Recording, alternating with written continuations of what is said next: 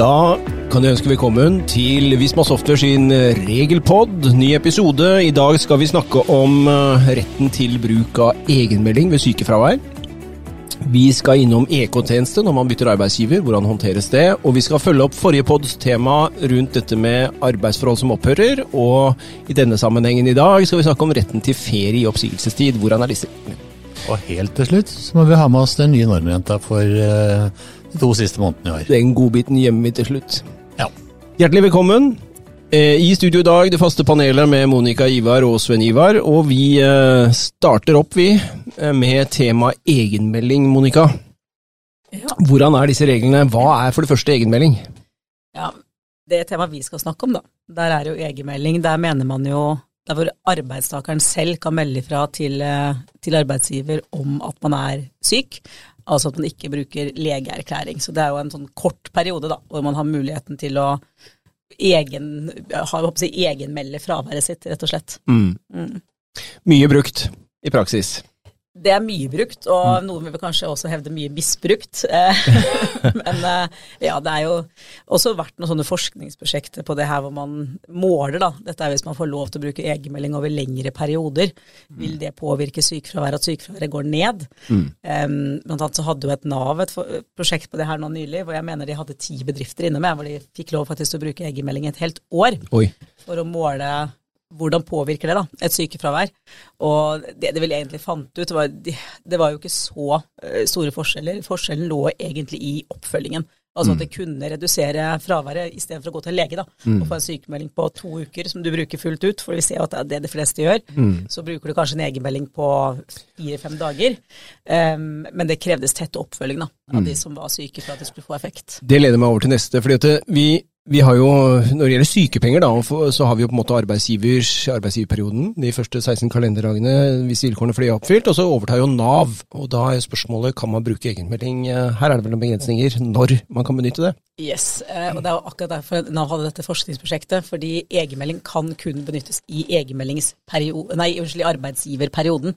Så det vil jo kun være de første 16 kalenderdagene av fraværet, så man har anledning til å bruke det. Fra dag 17 så krever jo Nav eh, en sykemelding som dokumentasjon, og da var det jo et unntak som var gitt eh, i det, I det tilfellet, prosjektet her, da, eh, hvor de faktisk fikk lov til å bruke egenmelding så lenge de hadde rett på sykepenger. Ja. Men regelen som arbeidsgivere skal forholde seg til, er at kun i arbeidsgiverperioden. Og hvis man skulle utbetalt f.eks. fra dag 17 eller utover, eh, basert kun på egenmelding, så vil man jo ikke få refusjon hvis man forskutterer. Ikke sant. Og så, Hvis vi holder oss da i arbeidsgiverperioden, da, hvor egenmelding er et tema, så kunne man jo tenke at uh, her kunne man bruke egenmelding hele arbeidsgiverperioden, men her har vel òg folketrygdloven noen regler som på en måte gir arbeidsgiver et verktøy da, til å si at nei, du får ikke, du får ikke bruke egenmelding hele arbeidsgiverperioden, eller hvordan er det? Ja, Vi kan jo starte med når man kan bruke det i arbeidsgiverperioden òg. Ja. For det er jo et krav til opptjeningstid for å ha rett til å bruke egenmelding. Og det kjenner vi også til ved sykepenger, at det er krav til opptjeningstid for å rette sykepenger fra arbeidsgiver i arbeidsgiverperioden, og den er jo kun på fire uker. Men på egenmelding så er den på to måneder, så det er en litt lengre opptjeningstidsperiode. To måneder før rett til å benytte egenmelding, men her er- må vi vel passe på å si en annen ting, fordi retten til sykepenger dukker jo opp tidligere. Ja, den dukker opp allerede ved fire uker. Og folketrygdloven er jo en minsterettslov, og det vil jo si at man kan ikke gi, gi dårligere rettigheter enn hva loven eh, på en måte gir arbeidstakeren krav på, men man har muligheten til å gi bedre rettigheter. Og det ser vi noen gjør, og tillater bruk av egenmelding allerede etter fire uker, fordi da er det arbeidsgiverperiode, og da er, går det jo i praksis an å bruke egenmelding. Mm. og at de da fraviker denne to månederen, gir en litt kortere frist da, på opptjeningstid for egenmelding. Og det er helt ok. Mm. Så bra. Ja, og da var det vel egentlig over på dette her med hvor mange egenmeldingsdager man har. Ja. Um, og det er jo i loven regulert til tre dager, så tre kalenderdager per arbeidsgiverperiode.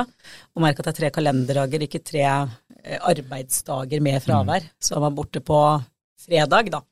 Uh, og så kommer vi til mandag, og så er man fortsatt syk. Da kan man ikke bruke egenmelding eh, på mandag også, for det er fjerde fraværsdag. Og da kan, kan arbeidsgiver kreve at man dokumenterer fraværet da med en sykemelding. Mm. Så her teller vi med både helgedager, og vi teller med høytidsdager og helligdager og det hele.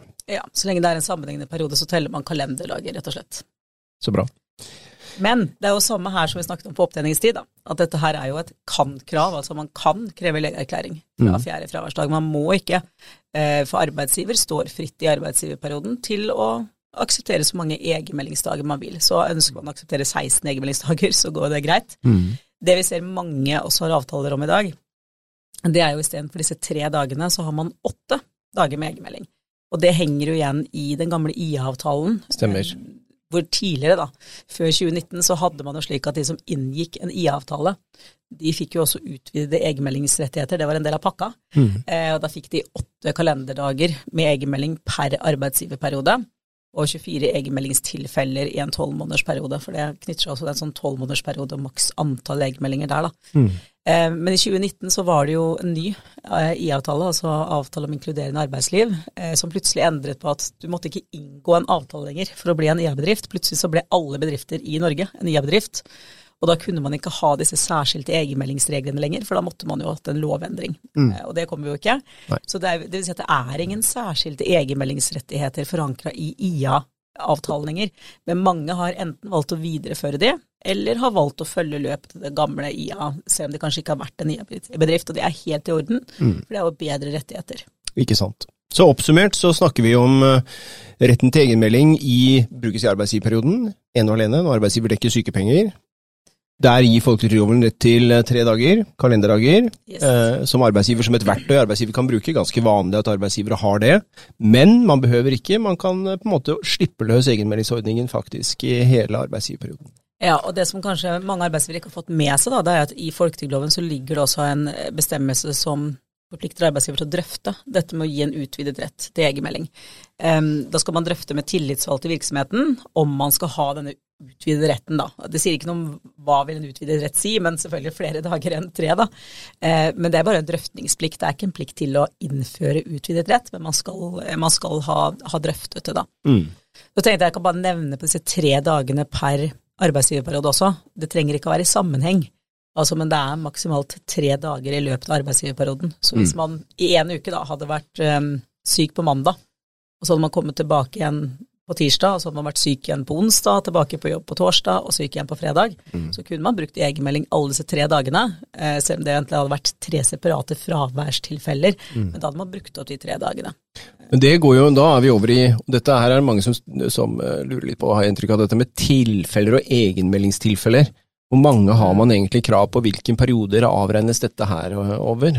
Ja, her er det jo mange som tror det er eh, kalenderår eh, som man regner, men, men det er det jo ikke. Man regner ikke kalenderår her, fordi man har eh, fire egenmeldingstilfeller i løpet av en tolvmånedersperiode. Og den tolvmånedersperioden, den er jo løpende. Eh, så vi ser at man ser egentlig alltid tolv måneder tilbake i tid fra, fra det tidspunktet du lurer på, da. Hvor mange egenmeldingsdager er det igjen? Eh, så det er altså fire i løpet av en tolvmånedersperiode. Disse som har, eh, følger de gamle IA-reglene, de har jo da gjerne 24 tilfeller, altså 24 kalenderdager da, i løpet av en tolvmånedersperiode. Og så lenge det er bedre rettigheter enn hva folketrygdloven oppstiller, så er det helt i orden. Ja, ikke sant. Og dette er jo også en regel som på en måte gir arbeidsgiver en mulighet, da. For poenget er jo når man Hvorfor skal vi telle til fire? Ja, og det er jo slik at i noen tilfeller så kan man jo miste retten til å bruke egenmelding. Det er jo på en måte et gode man har via folketrygdlovens regler, og det er et gode man kan miste. Og da er det egentlig tre på en måte, tenker jeg, aktuelle situasjoner da, hvor man kan miste det, og det her er jo den første og den mest aktuelle av de. Det er hvis man har hatt, i løpet av tolv måneder, da, hatt minst fire sykefravær som har vært dokumentert med egenmelding. Eh, Da kan arbeidsgiveren frata arbeidstakeren retten til å dokumentere videre fravær med, med egenmelding. Eh, Utgangspunktet i loven da, det er jo at hvis man blir fratatt den egenmeldingsretten, så skal det tas opp til en ny diskusjon etter seks måneder. Det er ikke noe automatikk at man får den tilbake igjen etter seks måneder, men det vi ser er hvis man mister retten pga. det antall brukte egenmeldinger, da, så får man den gjerne tilbake etter senest seks måneder. Og her er vi jo så heldige at vi har noen lønnssystemer i Visma som teller for oss. Vi hjelper oss å telle til fire. Det er jo helt utrolig. Da kommer det opp et lite varsel. Ops, nå har vedkommende brukt fire. Ja, for det er ganske viktig å merke seg, da, at hvis man For også her står det i loven 'kan frata'. Det, består, det betyr at man mister den ikke automatisk, så man må gi beskjed da, som arbeidsgiver. Og gir man ikke den beskjeden på, på egenmeldingstilfelle nummer fire, så må man betale på egenmeldingstilfelle nummer fem, nummer seks, nummer syv, nummer åtte. Altså heter man faktisk gir beskjeden om at nå er du eh, fratatt. Og det som er greit å merke seg, da, det er jo på en måte at hvis man skal frata eh, denne egenmeldingsretten, så er arbeidsgiver, arbeidsgiver er forpliktet til å drøfte dette her med arbeidstakeren først.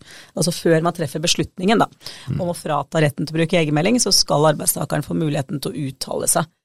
Um, det kan f.eks. være at arbeidsgiver har registrert et egenmeldingstilfelle på egen sykdom som egentlig tilhører barns sykdom, og det skal jo ikke telles med da, i disse mm. fire egenmeldingstilfellene. Så det er viktig at man gjør det, eh, det først, og så underretter man da etterpå at man fratas retten. Og det mm. anbefaler vi gjøre, gjøre skriftlig, eh, slik at man har bevisene i orden på det.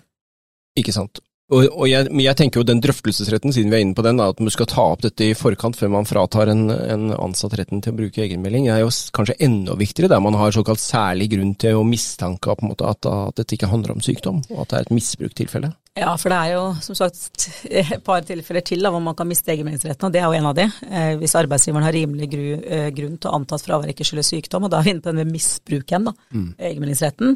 Og så har man jo en tredje variant hvis det er en begrunna mistanke om at egenmelding nyttes som aksjonsform i en arbeidskonflikt. Også da har man muligheten til å kreve legeerklæring fra første fraværsdag, men det er jo det så lenge aksjonen varer. Hvis det er mistanke om misbruk, så vil man jo kunne miste den over lengre periode. Og da skal det opp til diskusjon igjen, også her etter seks måneder, men ingen automatikk heller at man får den tilbake igjen etter seks måneder. Mm. Men man må gi beskjed, og man må gi arbeidstakeren muligheten til å uttale seg. Så litt kjøreregler, rett og slett, for uh, hvordan man uh, fratar en ansatt retten til å dokumentere sykefravær ved egenmelding. Det er viktig å forholde seg til.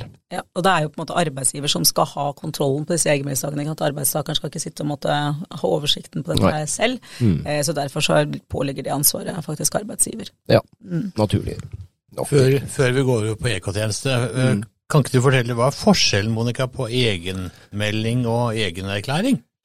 Ja, det får vi av og til faktisk spørsmål om. Eh, fordi denne egenmeldingen, da, der er det ikke noe formkrav til hvordan den skal gis. Eh, den kan gis muntlig, den kan gis skriftlig, og den gis jo på en måte på det tidspunktet man, man har fraværet, så melder man ifra 'jeg er syk'. Men så er det noe som heter egenerklæring også, som er hjemlet i folketrygdloven. Og det er slik at hvis denne egenmeldingen da er gitt muntlig, så kan arbeidsgiveren kreve at en arbeidstaker bekrefter skriftlig en sånn muntlig egenmelding etter at man har gjenopptatt arbeidet. Eh, og hvis man ikke legger frem en sånn skriftlig egenerklæring når arbeidsgiveren krever det, så vil man jo da miste retten til, eh, til sykepenger. Altså da kan arbeidsgiveren bestemme det, da. Eh, legger man jo fram sykemeldingsattesten fra lege, da vil jo kravet bortfalle, for da har man jo den skriftlige dokumentasjonen der. Mm. Veldig bra. Informativt om denne med egenmeldingsrettigheten og reglene rundt det hele. Da beveger vi oss over på neste tema, Ivar. og Da er det snakk om EK-tjeneste. og Da kan du godt få et eh, helt konkret spørsmål fra meg i den sammenheng. Og det kommer nå. Spent. Ja. Skal det beregnes skattepliktig fordel ved fri telefon eller bredbånd når en nyansatt har nådd grensen på 4392 kroner hos sin forrige arbeidsgiver? Veldig godt spørsmål, ja. og det får vi eh, noen ganger. Eh, du skal jo få svar, men jeg tenkte først jeg eh, må si litt i forhold til det med EK-tjeneste. Eh, og så må vi skille på om det er en naturalytelse eller en utgiftsgodtgjørelse. Og da går det på hvem som har abonnementet. Typisk disponerer man gjerne arbeidsgivers mobiltelefon og mobilabonnement. låner telefonen gratis, og det er jo helt greit så lenge det er tjenestelig behov. Eh, og så lenge det er arbeidsgivers abonnement, så er det en enkel sjablong. Det er en fordel på 366 kroner hver måned ja. som du disponerer. Og det løper gjennom hele året, og da blir jo det 4392 kroner. Mm. Så hvis du har en nyansatt som eh, kun har det, så løper de 366 hos den gamle og hos den nye. Og det er først når året er ferdig hvor du har nådd eh, maks skattemessig fordel. Ja. Så den er enkel? Så den er jo enkel. Men i de tilfellene, da, hvor du har eh, det vi kaller for kombinasjon. Du har eh, mobiltelefon, mm. abonnement til arbeidsgiver, og så får du refundert kostnader til bredbånd hjemme. Mm. Og det er jo veldig mange som nå sitter på hjemmekontor og får kostnader til bredbånd hjemme dekket. Der er det jo da litt andre regler i forhold til hva du skal legge i trekkgrunnlaget og arbeidsgiveravgiftsgrunnlaget hver måned. Da skal du ta de 366 som ligger der fast, og skal du legge til det som er refundert, eh, la oss si at eh, det er 700 eh, kroner da, som er refusjon, Da blir jo 366 pluss 700, mm. da er vi på 1066. Også et kjent årstall for øvrig, hvilket slag ved Hastings, da? Jeg tror det var det. Jeg tror det var det. Eh, da er det fordelen i januar. Eh, og så fortsetter det sånn, da når du jo 4392, eh, kanskje sånn på april-mai. Og så slutter hos den arbeidsgiveren etter juli. Det betyr at det er ikke noe fordel i, i mai, juni eller juli. Og så begynner den hos deg, da. Mm. ny arbeidstaker, kommer med lønnsslippen, se her, jeg har 4392, og det er det som er maks skattepliktig fordel. Ja, Vedkommende har jo rett i det, mm. så maks skattepliktig fordel er 4392. Men her er det jo et, eh, kall det et stort unntak fra hovedregelen, da. Det som er eh, skattepliktig, er trekkpliktig. Det som er skattefritt, det er også trekkfritt og mm. ikke, eh, ikke arbeidsgiveravgift. Det er utgangspunktet. Her er unntaket. Mm. Så her lever altså 4392-fordelen opp imot hver enkelt arbeidsgiver. Mm. Så har du si tre arbeidsgivere, og du får dekka øh, kostnader som overstiger 4392 hos alle tre. Ja, da har du 4392 tre ganger som det er trukket forskuddstrekka, og som det er beregna arbeidsgiveravgifta. Ikke sant. Øh, så du får altså en nyansatt, øh, la oss si 1. august. Vedkommende viser med lønnsslipp at se her, i april passerte jeg 4392. Hva gjør du? Du beregner fordel som om ingenting har skjedd hos en tidligere arbeidsgiver. Så du må altså ta kostnaden med arbeidsgiveravgift. Mm. Du trekker jo også forskuddstrekk, for det har du plikt på. Når året er ferdig, så sender jo du sammenstilling sammenstilingsoppgave til den ansatte. Det får han også fra forrige arbeidsgiver, og da ser han at her er jo altfor mye. Det er jo sendt inn avmeldinger hver måned. Mm. Og dette her summeres jo når året er ferdig, og så viser det seg at her er det jo mer enn 4392 på denne skattyteren. Ja. Og da tar skatteetaten det enkle grepet og bare skrur ned til 4392, altså får godtgjort at det er maks fordel. Mm. Forskuddstrekket, det vil du da få igjen, for det har liksom trukket for mye i løpet av året. Men du som arbeidsgiver, arbeidsgiver mm. du får ikke igjen arbeidsgiveravgiften, altså. Nei. Så det er en sånn veldig, veldig spesiell sak, det der med EK-tjeneste. er ja, det, det er enkelt, eh, og sånn sett enkelt å forholde seg til.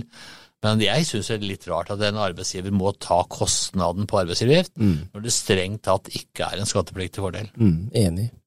Det er ikke alltid logikk og juss nødvendigvis henger sammen heller, og det er kanskje er mulig dette er et eksempel på det? Ja, jeg tror vi er eh, inne på et godt eksempel her. Ja. Så mm, bare husk på det når du som eh, arbeidsgiver får en nyansatt som har fått dekka EK-tjeneste hos tidligere arbeidsgiver, eh, så skal du ikke ta hensyn til det overhodet. Du starter si på null, altså. Mm. Mm. Veldig bra.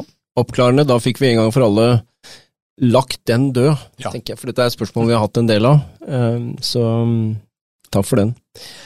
Skal vi flytte oss til en oppfølger av forrige pods tema, da, men nå se litt på feriedager i forbindelse med å avslutte et arbeidsforhold og oppsigelse? Vi ja. snakka jo om pengene i forrige podden. Ja, sist snakket vi om pengene, ikke sant. Ja. Da var jo spørsmålet får man betalt for, for ikke avviklet ferie? Mm.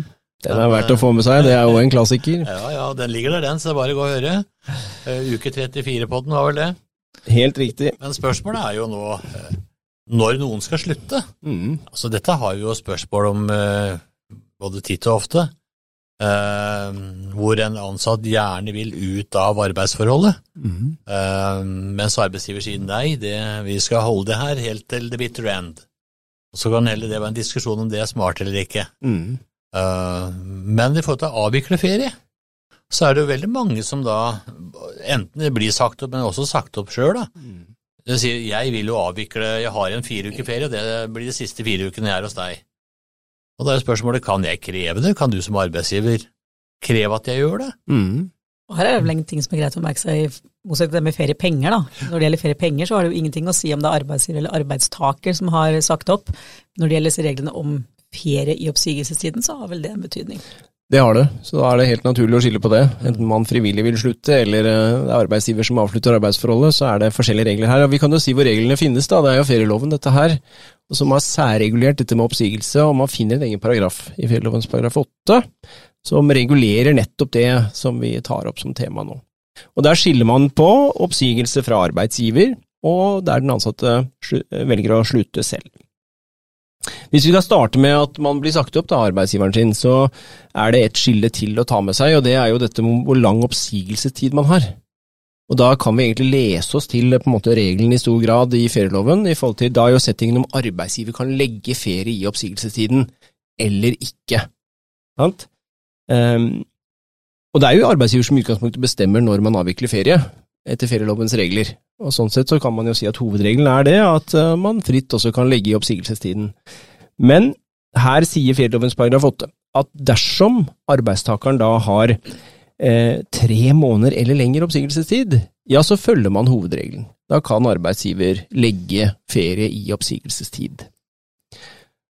Og så er det motsatt, der man har mindre enn tre måneders oppsigelsestid. Da kan arbeidsgiver ikke legge ferie i oppsigelsestid, med mindre arbeidstakeren selv er enig i dette eller interessert i det, og altså samtykker i at man avvikler ferie i oppsigelsestiden. Og Hvis man gjør det, så løper jo også oppsigelsesfristen og, og tiden parallelt med ferie, der man samtykker, antar man.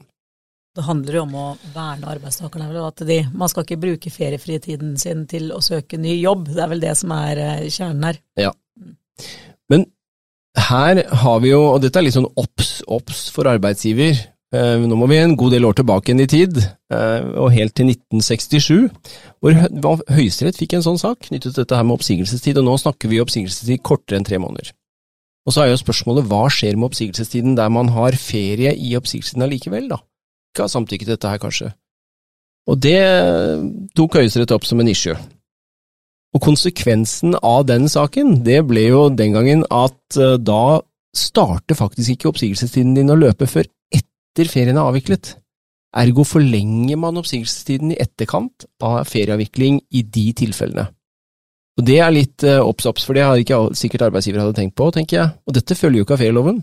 Men det følger egentlig av arbeidsmiljølovens 15.3 og reglene om oppsigelsestid, sett hen til disse dommene som har vært på det. For det har vært en dom til på akkurat samme tema som vi fikk i eh, det var vel 1997. Man fulgte opp dette her og endte på samme konklusjon. Så det må vi passe litt på. Den er jo litt sær. Det er vel ikke så mange ja. vi opplever som har egentlig hørt om den. Ikke sant. Men det er ganske heftig konsekvens, da, der man på en måte ender i den settingen der. Mm. Så så den er grei å være klar over. Så det var, eh, det var dette med oppsigelse fra arbeidsgiver. Tre måneder eller lenger. Ja, Hvis en ansatte sier opp selv da, og vil slutte, hva da, tenker jeg. Da er ikke disse vernehensynene så veldig aktuelle lenger.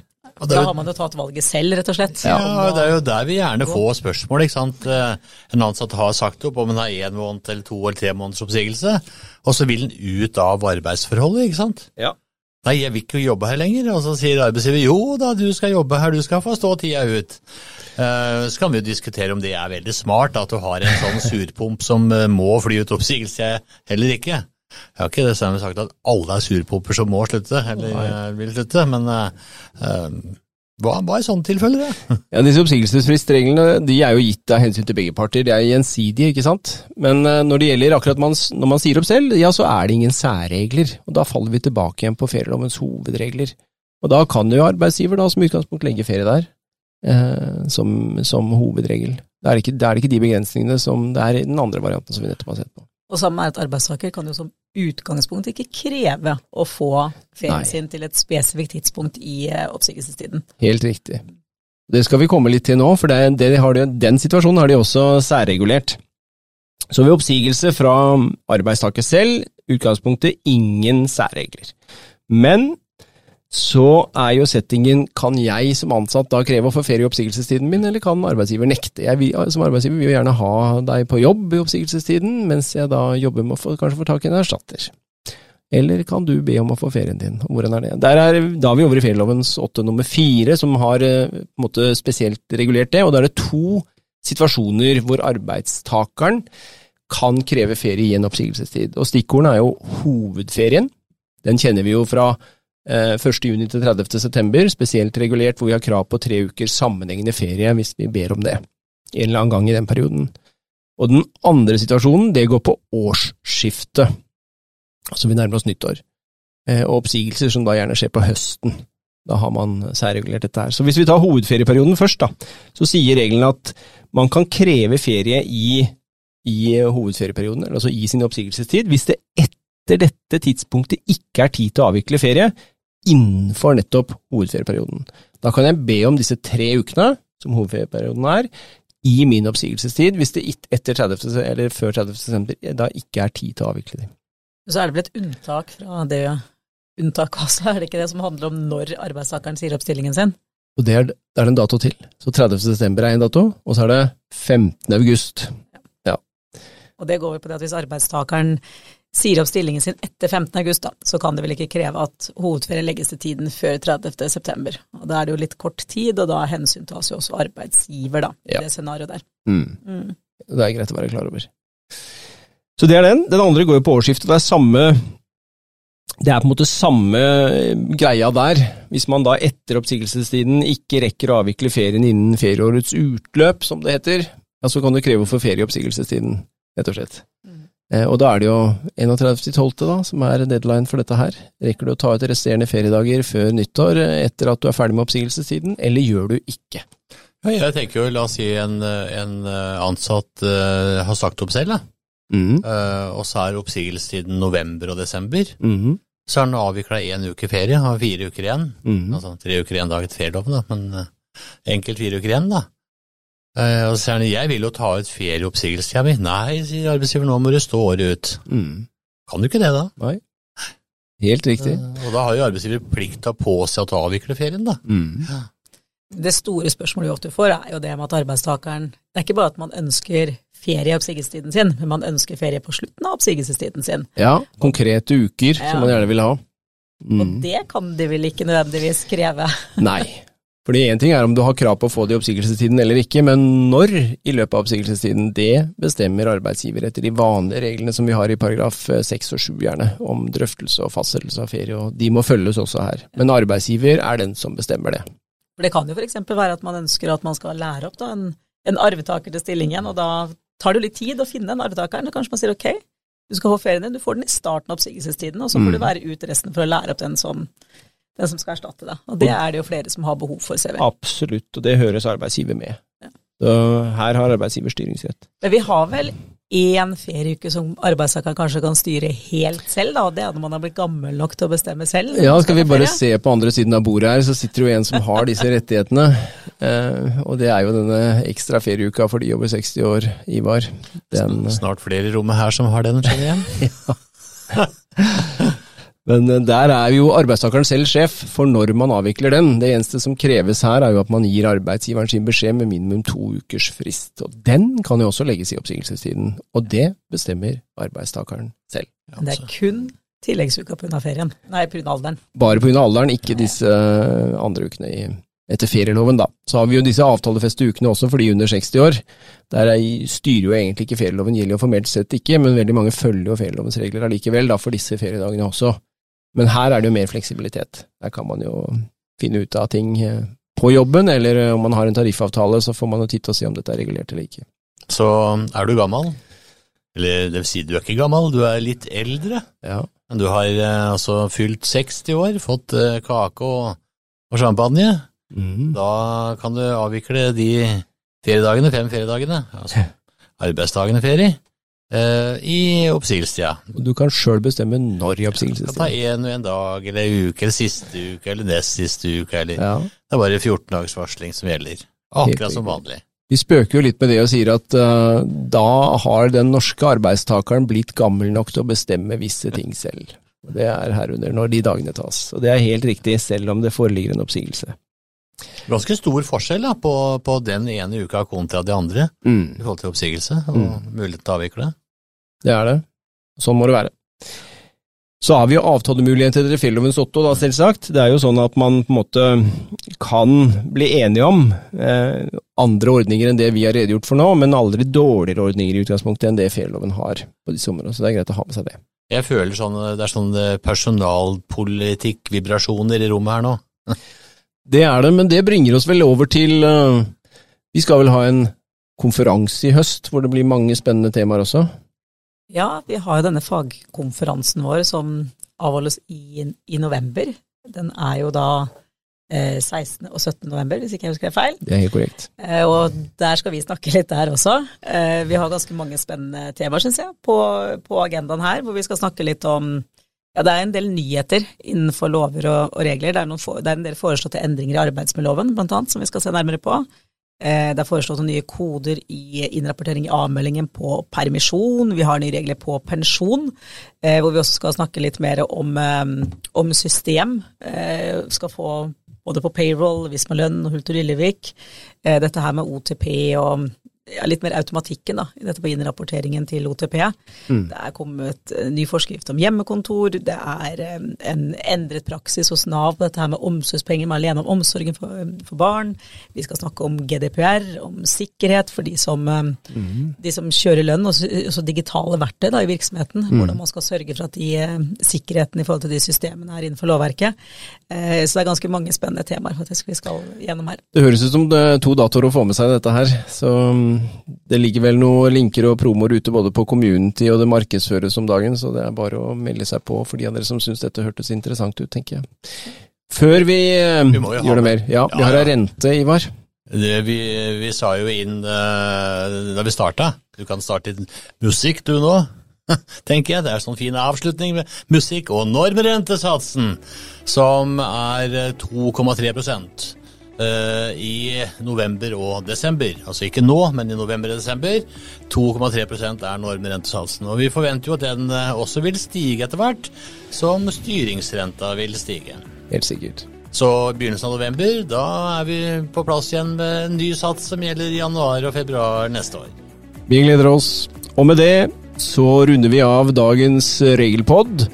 Vi minner om at det ligger utfyllende gode artikler ute på Community under fagområdet lønn og HR der, eh, som eh, man kan lese videre på. De temaene vi har tatt opp i dag, annet, og en rekke andre ting. Så med det, ha en fortsatt fin dag. Vi høres.